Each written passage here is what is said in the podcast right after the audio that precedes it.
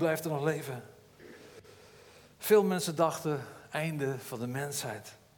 Daarna kwam de Tweede Wereldoorlog. Eigenlijk nog veel meer had het iets weg van, uh, van de apocalyps. Het aantal slachtoffers tussen de 60 en de 70 miljoen. Aangevoerd door de waanzin van een idioot, van één leider, een demonisch bezet man. En daarbij ook nog het proberen van het, om het Joodse volk om zeep te helpen. Te helpen. want iemand die in, in een verkeerde manier in de geestelijke wereld terechtkomt en zich, laten leid, zich laten, laat leiden door demonische machten, die weet ook dat God nog altijd een geweldig plan heeft met Israël en dat dat nog moet gebeuren. Dus als je God wil tegenhouden, dan moet je zorgen dat het Joodse volk opgeruimd wordt. En dat is in al die eeuwen en het bestaan van het Joodse volk zo vaak al geprobeerd. Nou, dat gebeurde daar ook. Ook hier hebben zoveel mensen zich afgevraagd: dit is, is dit het einde van ons? Is dit het einde van, deze, van ons als mensheid? En toch, de kerken stroomden vol en er werd gebeden om genade gesmeekt. Er werd gebeden en uiteindelijk kwam er toch weer rust, betrekkelijke rust en vrede. En de wereld werd weer opgebouwd. Totdat, ik heb het al heel even genoemd, de coronapandemie de kop opstak.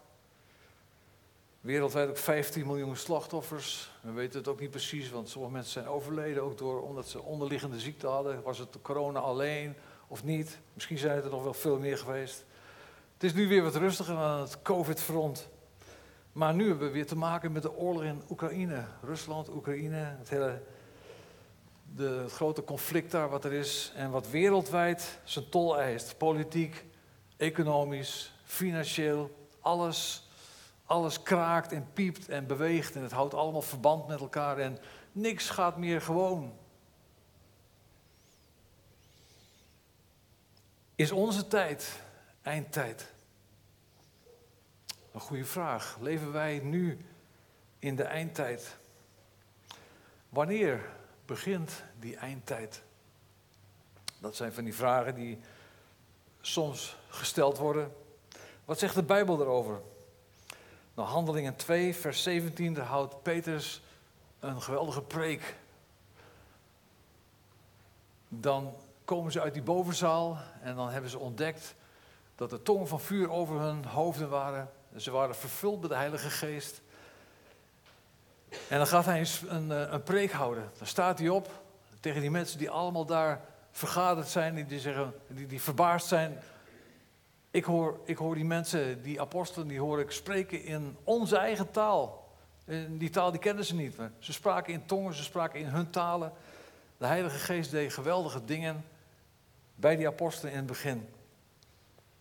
En dan zegt hij, hij staat op en hij zegt, dit is waar de profeet Joël over gesproken heeft toen hij zei, aan het eind van de tijden, zegt God, zal ik mijn geest uitstorten op alle mensen. Uw zonen en dochteren zullen profiteren en uw ouderen zullen dromen zien. En dan gaat hij nog even door. Maar hij zegt, aan het eind van de tijd zal ik mijn geest uitstorten op alle mensen. Voor Petrus was die uitstorting van de Heilige Geest de inleiding van het einde der tijden. De uitstorting van de Heilige Geest was voor Petrus het teken dat, hé, hey, dit is wat Joel heeft gezegd. Dit is het eind der tijden dat gaat beginnen.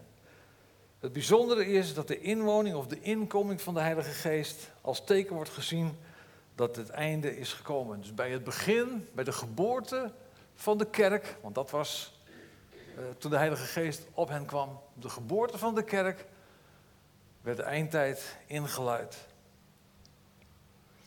Nou, na deze preek van Petrus, waar toch, zeker 3000 mensen tot bekering kwamen, ongelooflijk, gedoopt werden, en ook de, ja, de Heilige Geest konden ontvangen, hè, want dat is wat hij zegt.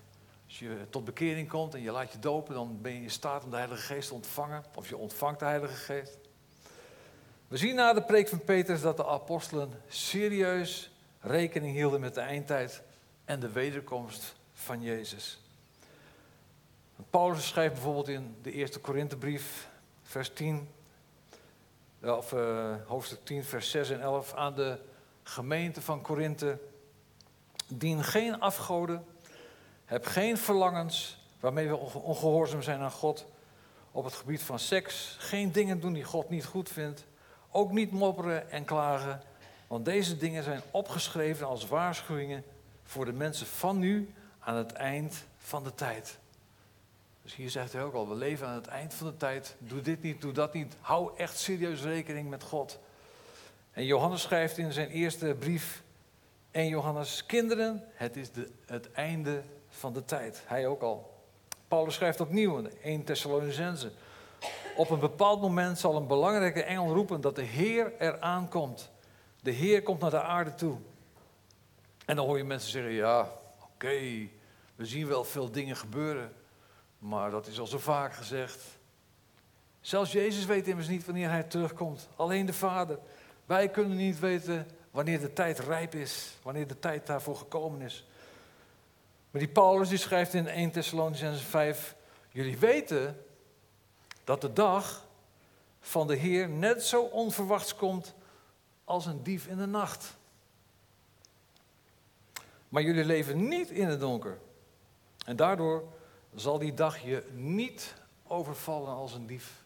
Je weet niet het uur, je weet niet de dag.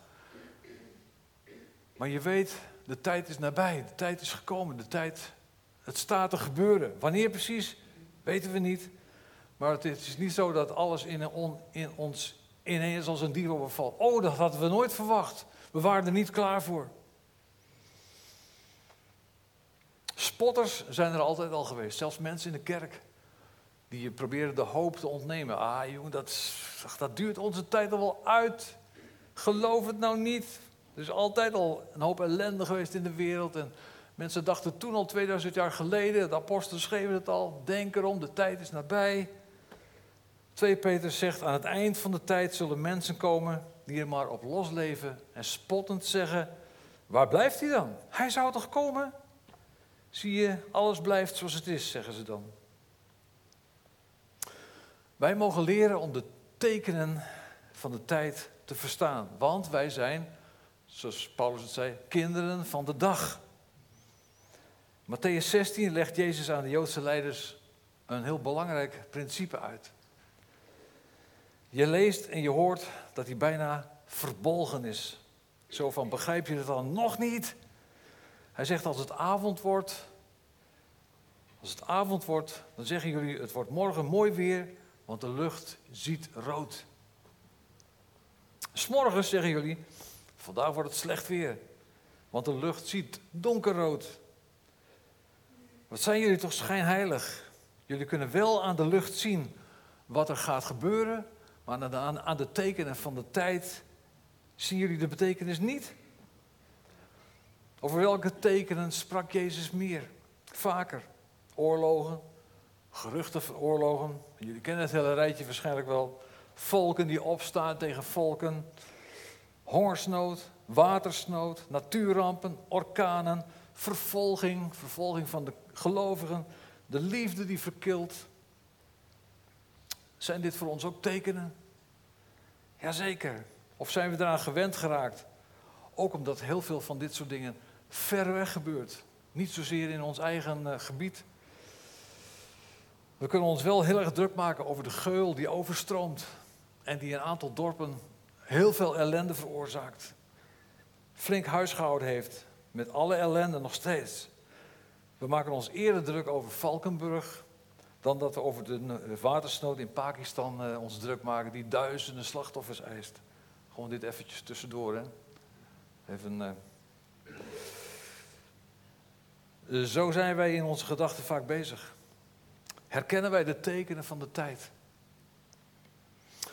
Dus heel apart dat de Jezus zegt in Matthäus 24, dat is eigenlijk dat gedeelte waar hij heel veel dingen zegt over de eindtijd. Dat Jezus zegt, het begin, of eh, dat Jezus deze tekenen noemt, dit is het begin van het einde. En het einde, dat is de komst van de Heer Jezus. Wanneer hij zijn voeten zet op de olijfberg, wanneer hij komt op de wolken. En waar, eh, waar hij de antichrist aan het eind van de grote verdrukking zal vernietigen. Het duizendjarig vrederijk begint. En daarna de laatste strijd zal winnen tegen de duivel en zijn demonen. En waar Jezus glorieus zal overwinnen over de machten van de hel. Het begin van het eind. Waar staan wij nu? Je mag ook de dingen die nu bezig zijn bekijken in het licht van de Bijbel.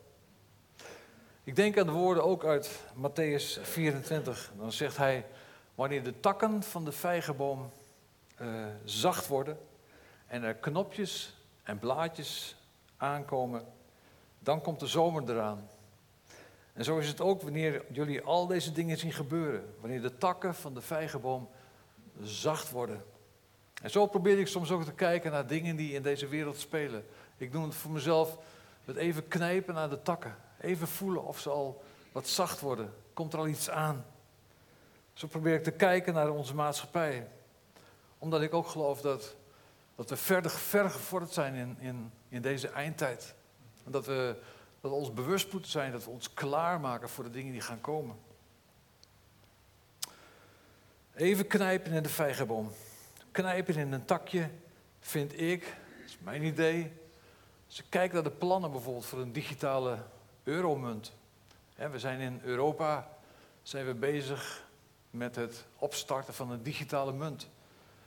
En ze zeggen dat nog niet zo hard, maar ik zie het er heel snel van komen dat het cashgeld straks verdwijnen gaat. Dat je allemaal gaat betalen met een pasje of zo. De Europese Centrale Bank is al druk bezig en je leest over, over heel veel uh, uh, nationale banken in heel de wereld die bezig zijn om digitale munten te maken. dat je niet meer cash betaalt, niks meer op zak hebt, maar een pasje hebt gewoon. En in Nederland hebben ze gezegd, wij gaan, als straks alles geregeld is, uh, die ideeën zijn er, om uh, alle aankopen boven de 100 euro te registreren. Dan weet de bank, als ze daar behoefte aan zouden hebben om dat te willen weten, het wordt wel geregistreerd, dat jij bijvoorbeeld, ik zeg maar even wat, een lekkere dikke spare rib heb gekocht. Dat is niet zo gezond. Ja, oké, okay, tien, tien spare ribs. Chris, je hebt gelijk, jongen. Ja. En dan, dan, krijg je een, eh, een, eh, dan kan het zo zijn dat ze op een gegeven moment zeggen van... Uh, er worden geen spare ribs meer gekocht. Je gaat een vegetarische burger kopen. Dat je niet meer vrij bent om te kunnen kopen wat jij graag wil. Dat soort dingen, dat gebeuren nu al in bijvoorbeeld China. Ik heb er eh, van de week weer een heel stuk over gelezen, omdat ik hier ook een beetje mee bezig was. In China wordt alles nu gecontroleerd. Het zijn nog allemaal testen, zeggen ze. Maar bijvoorbeeld bij zebra's, bij oversteekplaatsen, als mensen daar gaan oversteken en er is een auto die doorrijdt, dan wordt hij direct uh, aangemerkt. Dan krijgt hij een soort, ja, soort boete op zijn sociale account. En dan kan het zijn dat hij bijvoorbeeld eh, bepaalde voorrechten worden ingenomen. Hij kan niet meer zo ver reizen, hij mag geen kilometers meer maken. Alles wordt gecontroleerd. En uh, iemand schreef, iemand zei, iemand uit China, het helpt wel, want iedereen stopt nu voor de zebra. Dat was maar een heel klein voorbeeldje. Maar dit soort dingen gebeuren dus. Vroeger kon dat niet. Niks kon gecontroleerd worden. Nu heeft iedereen heeft een camera bij huis hangen. Uh, sommigen die linken die ook aan de, aan de politie, die mag ze gebruiken. Als je tegenwoordig kijkt naar uh, opsporing verzocht, of hoe die programma's heten, dan kunnen ze bijna iemand volgen van de ene straat naar de andere straat en zo. En ze weten bijna precies waar ze vandaan komen en wat ze gedaan hebben. Allemaal camera-toezicht en je wordt in de gaten gehouden. Uh, ja, daar leven we nu in. Dus een dikke sperrip kopen en... Uh, nee, iemand uit de, een Kamerlid uit de Tweede Kamer zei: het zou kunnen zijn dat de EU je straks gaat verbieden om nog langer spareribs te kopen, maar daarvoor in de plaats een veganistische hamburger. Dat was dus de opmerking van iemand uit de Kamer, die ook kritisch is over dit soort dingen. Ondanks dat de Tweede Kamer grote bedenkingen heeft bij de invoering van die digitale euro, kunnen we niet veel meer uitrichten omdat we afscheid hebben genomen van de gulden. Toen we met elkaar in Europa besloten één munt te gaan hanteren. De controle over ons geldsysteem hebben we uit handen gegeven aan de EU en aan de Europese Centrale Bank. Een ander takje waar ik wel eens in knijp, dat is dat er van die organisaties zijn die steeds groter worden en meer macht krijgen. Eind vorige eeuw werd er nog een hele grote organisatie opgericht om wereldwijd een nieuwe economische en politieke uh, orde in te richten. Om welvaart en inkomen te verdelen, wat moet zorgen voor minder ongelijkheid. Nu ligt er ook aandacht op milieu en op gezondheid. En de organisatie groeit nog steeds en heel veel kopstukken uit de wereld die hebben daar deel aan. Ook onze koningin Maxima is daar uh, iemand die er vaak spreekt, of regelmatig spreekt. Uh, onze minister-president gaat daar één keer per jaar altijd heen, samen met het minister Kaag, Financiën. De organisatie groeit en steeds meer kopstukken ook uit het bedrijfsleven. Uh, grote investeerders, mensen die miljardair zijn ook. Uh, als je kritisch kijkt, dan valt het al gauw. Als je daar kritisch over bent, dan val je al gauw onder het kopje, je bent een complotdenker. Toch heb ik wel het gevoel dat dit soort dingen me uh, laat, ja, als het ware laat zien dat de schaakstukken in de wereld worden klaargezet. De schaakstukken in de wereld worden op een bepaalde manier klaargezet voor de laatste handelingen, zodat er straks schaakmat wordt geroepen.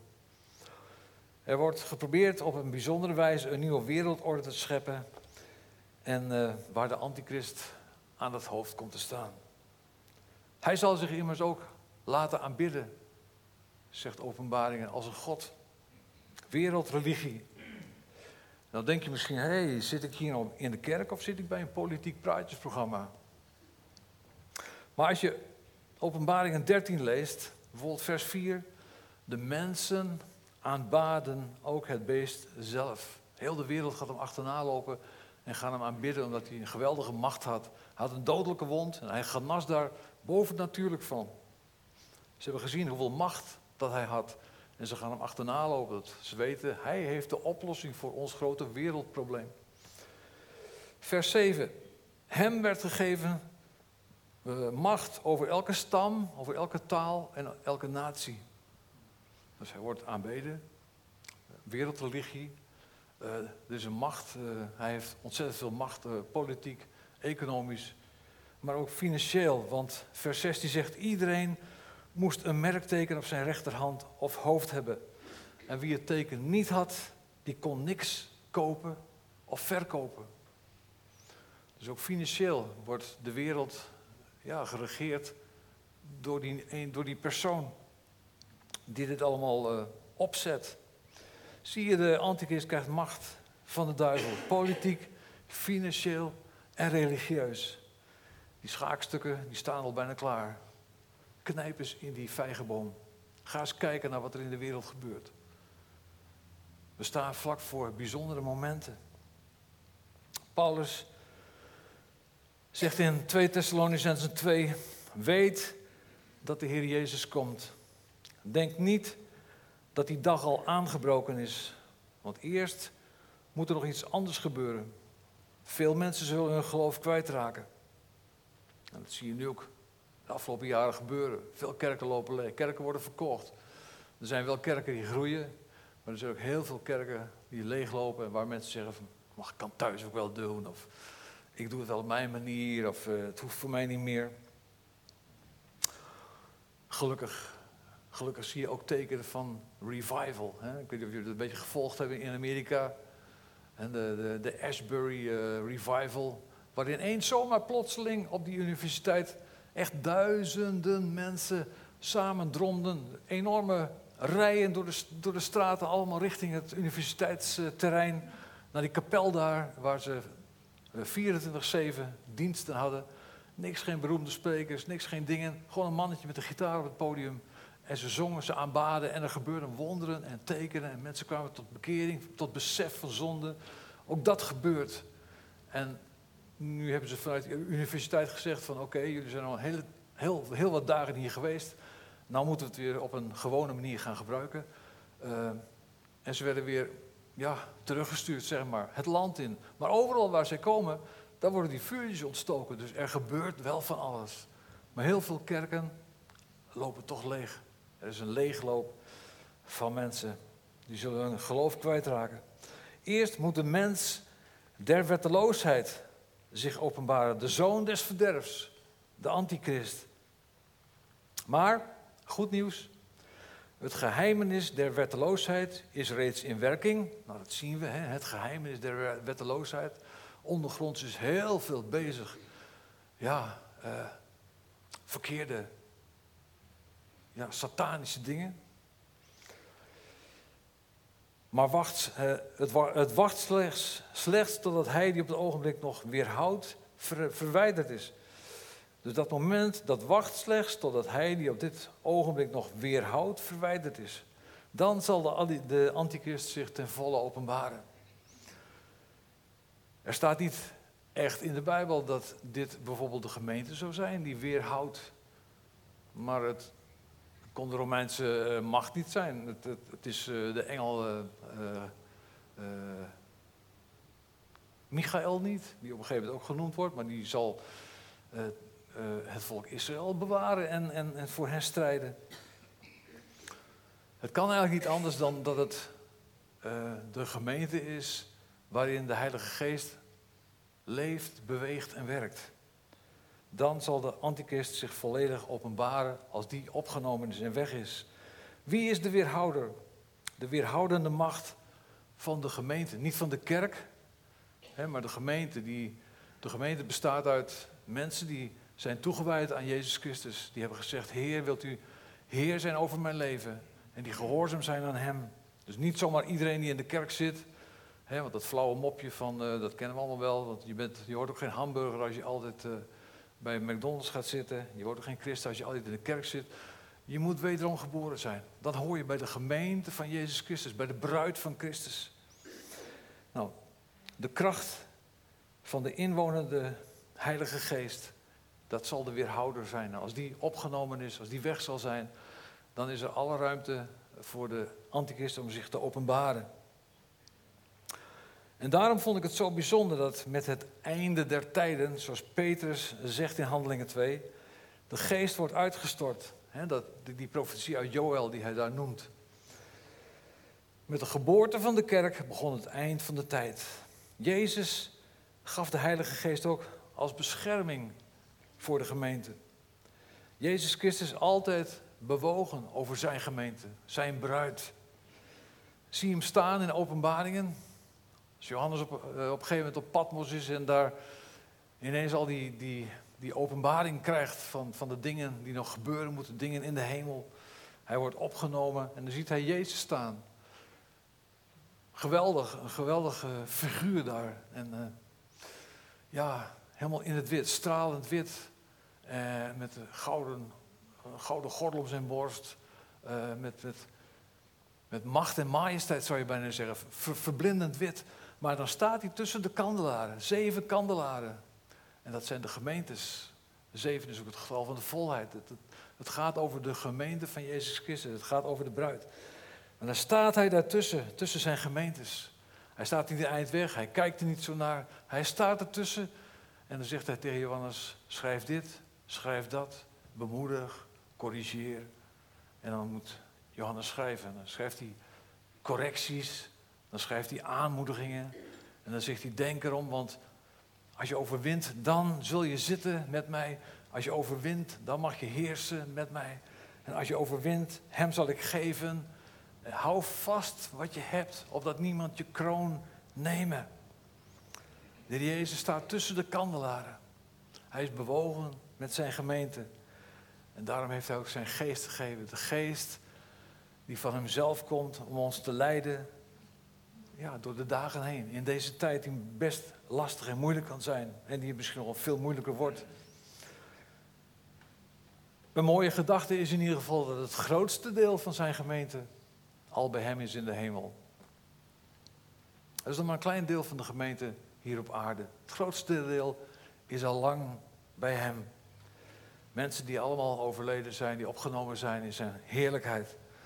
En het laatste deel van zijn gemeente zal hij vast niet door die hele zware, moeilijke verdrukking laten gaan. De openbaring 3 zegt, ik zal u bewaren voor de uren der verzoeking die over de hele wereld komen zal. Om te verzoeken hen die op de aarde wonen. Zolang de gemeente op aarde is, is er ook al moeite en verdrukking. Dat is iets wat de Heer Jezus zelf ook had aangekondigd in Johannes 16. In de wereld leidt gij verdrukking, maar houd goede moed. Ik heb de wereld overwonnen. dat was toen al. En dat lezen we ook. de apostelen en de, de christenen toen, die hadden het zwaar te voortduren. Als je Hebreeën leest, ze worden zelfs door midden gezaagd, ze worden gestenigd. Ja, dan hebben we eigenlijk, hebben wij vergeleken met dat nog, nog niks meegemaakt bijna. Een ander soort verdrukking misschien. Dat het ons veel te goed gaat. En dat je nauwelijks de behoefte hebt om, om je, ja, hè? Ik heb de wereld overwonnen, zegt Jezus. Hoe kunnen wij een vruchtbaar leven leiden in deze laatste dagen? En dat is door die Heilige Geest. De geboorte van de kerk. Jezus gaf zijn geest. Vlak voordat Petrus de profetie aanhaalde van Joël, had Jezus zijn discipelen al gezegd in Handelingen 1: Gij zult kracht ontvangen wanneer de Heilige Geest over u komt. Kracht ontvangen wanneer de Heilige Geest over u komt. Die hebben we nodig, die kracht van de Heilige Geest. Wij kunnen niet zonder de Heilige Geest. En iedereen die zijn leven overgeeft aan Jezus Christus, wederom geboren wordt, die ontvangt de Heilige Geest. Want God heeft ook gezegd, als je bidt om een brood, dan geef ik je ook geen steen. Als je vraagt om de Heilige Geest, dan geef ik je die. En weet je wat het mooie is? Die Jezus is altijd, en God ook, overvloedig, overvloedig.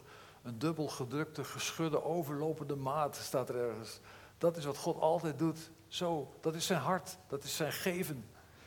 Is ook voor de Heilige Geest. Ik weet dat er mensen zijn die, die, die bidden al heel lang. Ik wil zo graag spreken in tongen. Ik wil zo graag spreken in tongen. Alsof ze daarmee niet de Heilige Geest ontvangen hebben. Dat is absoluut niet waar.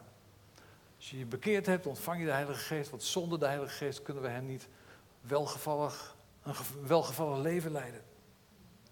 Gij zult kracht ontvangen wanneer de Geest over u komt. Nou, de Geest werkt in ons en wil actief betrokken zijn in en met ons leven. Dus we hoeven niet alleen maar te kijken naar de moeilijke dingen die er zijn. Maar we mogen in dat hele wereld gebeuren, dat leven met, met God, dat leven met Christus, leven, vasthouden, tot zegen willen zijn. Hij waakt over ons, hij houdt ons wakker, dat is belangrijk. Knijpen even in die, in die vijgenboom, wat gebeurt er allemaal? Wat, wat gebeurt er om me heen? Laat ik me straks niet overvallen. Nee, hij maakt ons klaar voor de grote ontmoeting met hem. Met hem als hij terugkomt op de wolken, van aangezicht tot aangezicht we hem zullen zien. Daarom moeten we waakzaam zijn in deze steeds donkerder tijd. En zo door de inwonende Heilige Geest dat overwinnende leven leiden. Makkelijk gezegd, maar daar moet je echt soms je best voor doen. En God is een grote helper, een helper groot van kracht. Die geest wil ons attent maken op de dingen in en ook buiten ons leven, die we zo om ons heen zien die ons af kunnen brengen van een vertrouwelijke relatie met Hem. Hij brengt die groei in ons op gang, de groei in ons leven door de geest.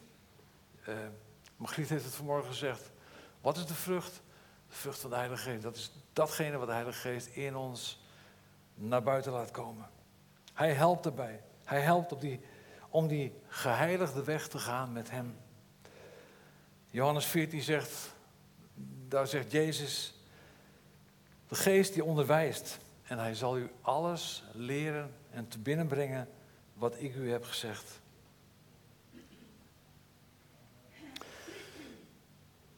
De bruid van Christus. Christus die staat tussen zijn gemeentes. Hij verlangt om de gemeente te zegenen, te bewaren, ook in deze tijd. Daarom hebben we het nodig dat we met elkaar gemeenschap hebben. We hebben het nodig dat we met elkaar avondmaal vieren. We hebben het nodig dat we met elkaar ook gaan, uh, ja, gaan delen. En het avondmaal is ook delen. We hebben samen deel aan het lichaam en aan het bloed van de Heer Jezus. En dan denk ik aan, um, aan, het aan de Galileese bruiloft. Dan denk ik eraan dat, dat de Heer Jezus, die er altijd woonde, en ook de apostelen, Petrus, die getrouwd was, en die waarschijnlijk zelf ook in op de Galileese manier de bruiloft heeft ervaren. Weet u, dan komt de vader van de, van de bruidegom met de bruidegom, uh, de bruid met haar familie tegemoet. En de bruidegom mag eigenlijk niks zeggen, maar de vader die heeft het heft in handen. De vader heeft zo'n papier bij zich, waar alle ja, verlangens op staan, alle, het verbond op staat tussen hem, tussen de bruidegom en de bruid. Waar alle huisregels op staan, waar alle dingen in staan die belangrijk zijn voor het leven samen van man en vrouw. En dan heeft de bruidegom, die naast de vader staat, die het woord voert, die heeft die kom met wijn bij zich. En dan kijkt de bruid en dan zegt ze niet ja of nee of uh, ik stem in met deze beloftes. Maar op het moment dat zij die beker wijn pakt en daaruit drinkt, dan krijgt ze deel aan die belofte. Dan krijgt ze deel aan, aan, aan, ehm, aan de gemeenschap tussen bruid, bruidegom en bruid.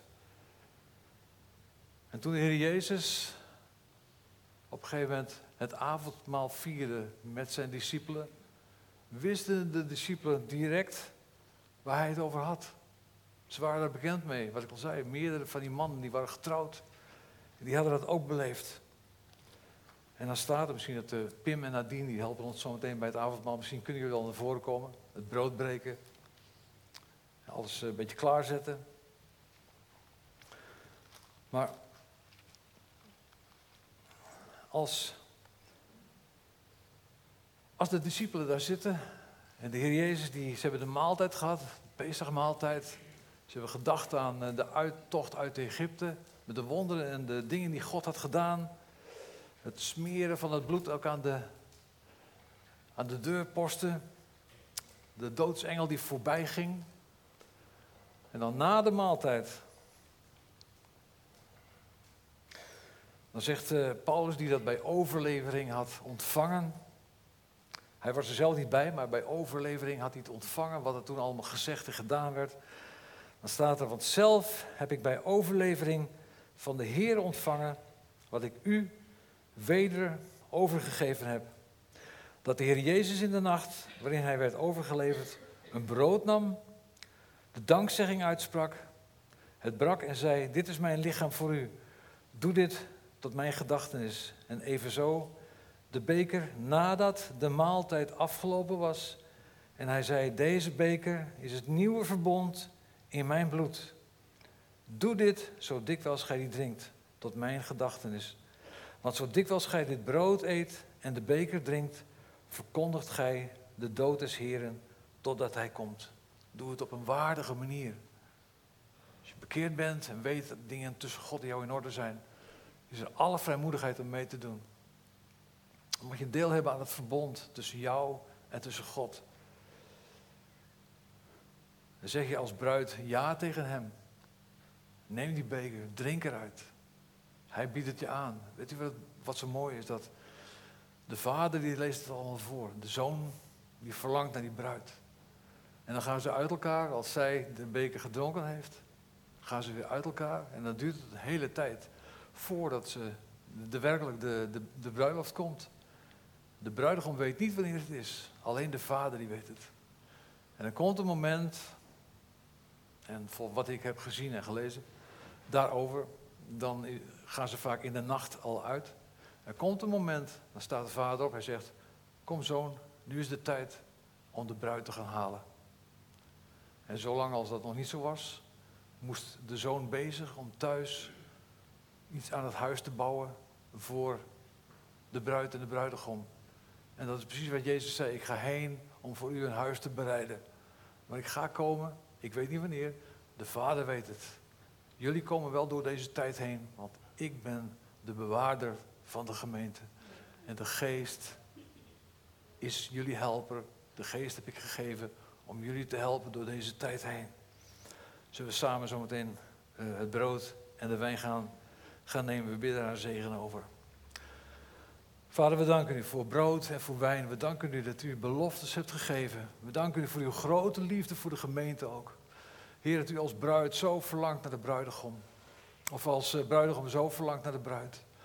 Heer, wij mogen ons klaarmaken. We mogen ons rein bewaren. We mogen eh, als het ware werken aan onze, onze, onze bruidskleding. We mogen zo nu dan de schoentjes passen. Heer, we mogen gaan kijken wat er allemaal, wat, hoe het nog mooier kan en wat fijner is. En we willen de bruidegom behagen. Heere God, dank u dat we nu ook deel mogen hebben daaraan.